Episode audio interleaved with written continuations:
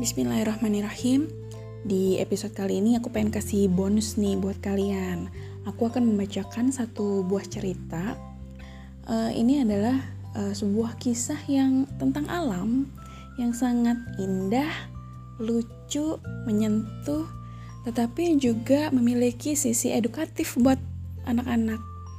Jadi uh, melalui kisah-kisah dari Living Book Biasanya memang penulis tidak secara langsung menggurui anak, tetapi setelah menyimak cerita tersebut, anak-anak pasti akan belajar banyak hal. Kali ini yang aku akan aku bacakan adalah um, dari buku Among the Meadow People karya Clara Dillingham Person. Kisah ini telah diterjemahkan oleh Laila Utari Ratna dengan judul Jaring Pertama Laba-Laba Kecil. Teman-teman boleh minta anak-anak untuk menyimak cerita ini dan lalu diskusikan sama mereka apa menariknya cerita ini buat mereka. Oke, selamat menyimak ya.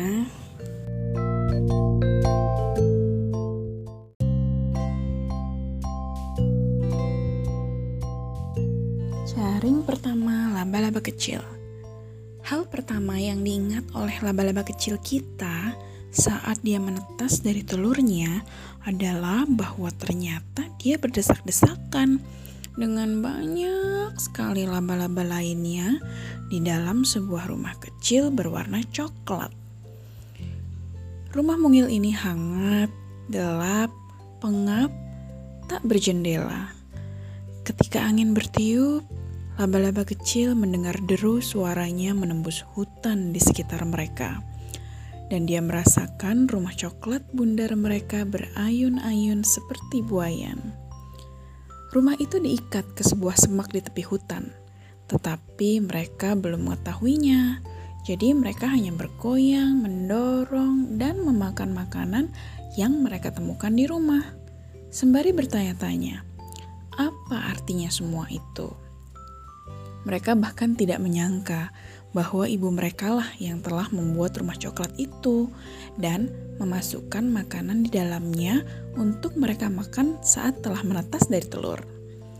Sang ibu pula lah yang meletakkan telur-telur ke dalam rumah mungil itu, tetapi laba-laba kecil itu tidak ingat apa pun tentangnya. Mereka tidak tahu apa yang telah atau apa yang akan terjadi. Mereka mengira bahwa makan, menggoyangkan tubuh, serta tidur adalah pekerjaan mereka seumur hidup. Kau lihat, jelas sekali kan mereka masih perlu banyak belajar. Pada suatu pagi, laba-laba kecil menemukan bahwa semua makanan mereka telah habis. Mereka pun mencari dengan mengacak-acak rumah lebih parah dari sebelumnya.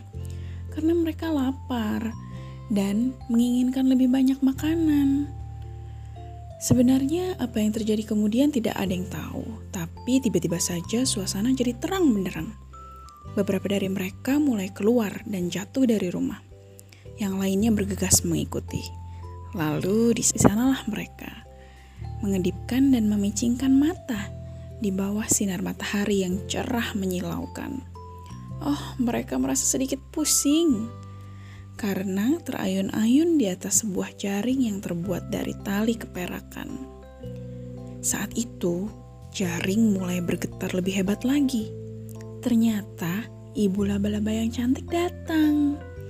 Dia berpakaian bludru hitam dan kuning, dan delapan matanya berkilau di bawah sinar matahari.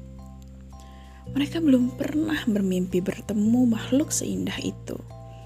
Nah, Anak-anakku, suruhnya. Aku tahu kalian pasti lapar. Aku sudah menyiapkan sarapan untuk kalian semua. Mulailah mereka semua makan bersama-sama, sembari mendengarkan sang ibu bercerita tentang padang rumput dan hutan, serta berkata agar mereka bisa bermain sendiri saja saat dia keluar bekerja demi mendapatkan makanan.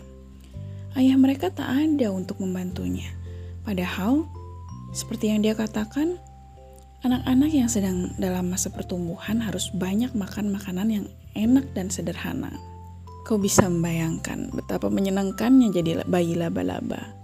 jumlah mereka ada 170 orang. Jadi mereka tidak pernah merasa kesepian, bahkan ketika ibu mereka sedang pergi. Mereka cukup lama hidup seperti ini. Tubuh mereka kini sudah jadi lebih besar dan lebih kuat. Suatu pagi, ibu laba-laba berkata kepada anak sulungnya, "Nak, kau sudah cukup besar untuk bekerja sekarang, dan aku akan mengajarimu untuk membuat jaringmu sendiri." Laba-laba kecil itu segera belajar mengeluarkan tali keperakan dari saku di tubuhnya tempat tali-tali itu dibuat dan disimpan. Kemudian dia mengikatkan kedua ujung tali itu ke dahan semak.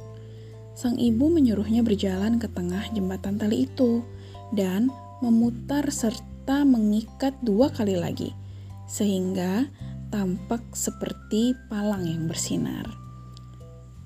Setelah selesai, sang ibu menunjukkan padanya sesuatu yang berbentuk seperti sisir yang merupakan bagian dari kaki laba-laba.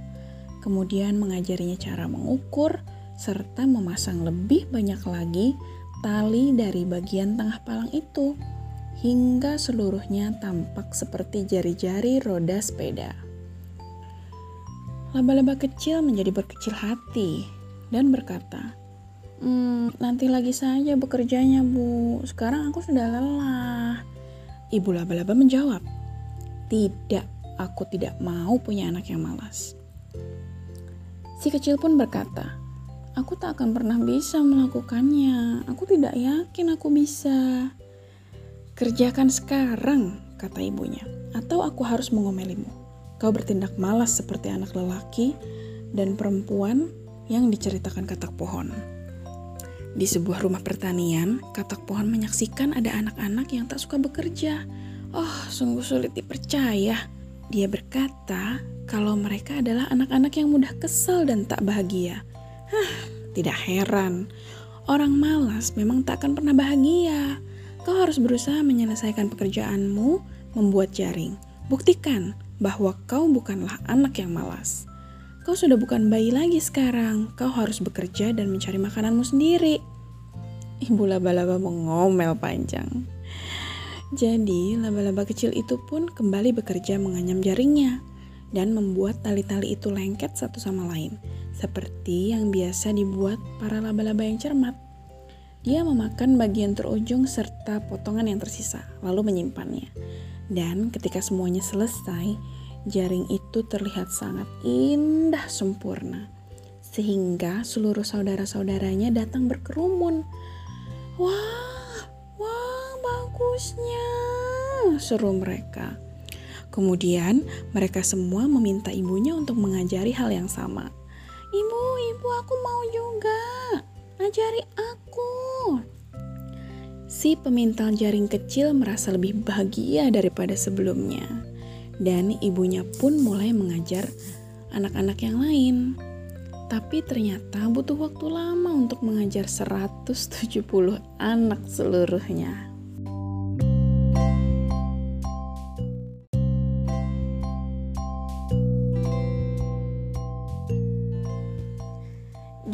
Gimana gimana? Lucu kan ceritanya?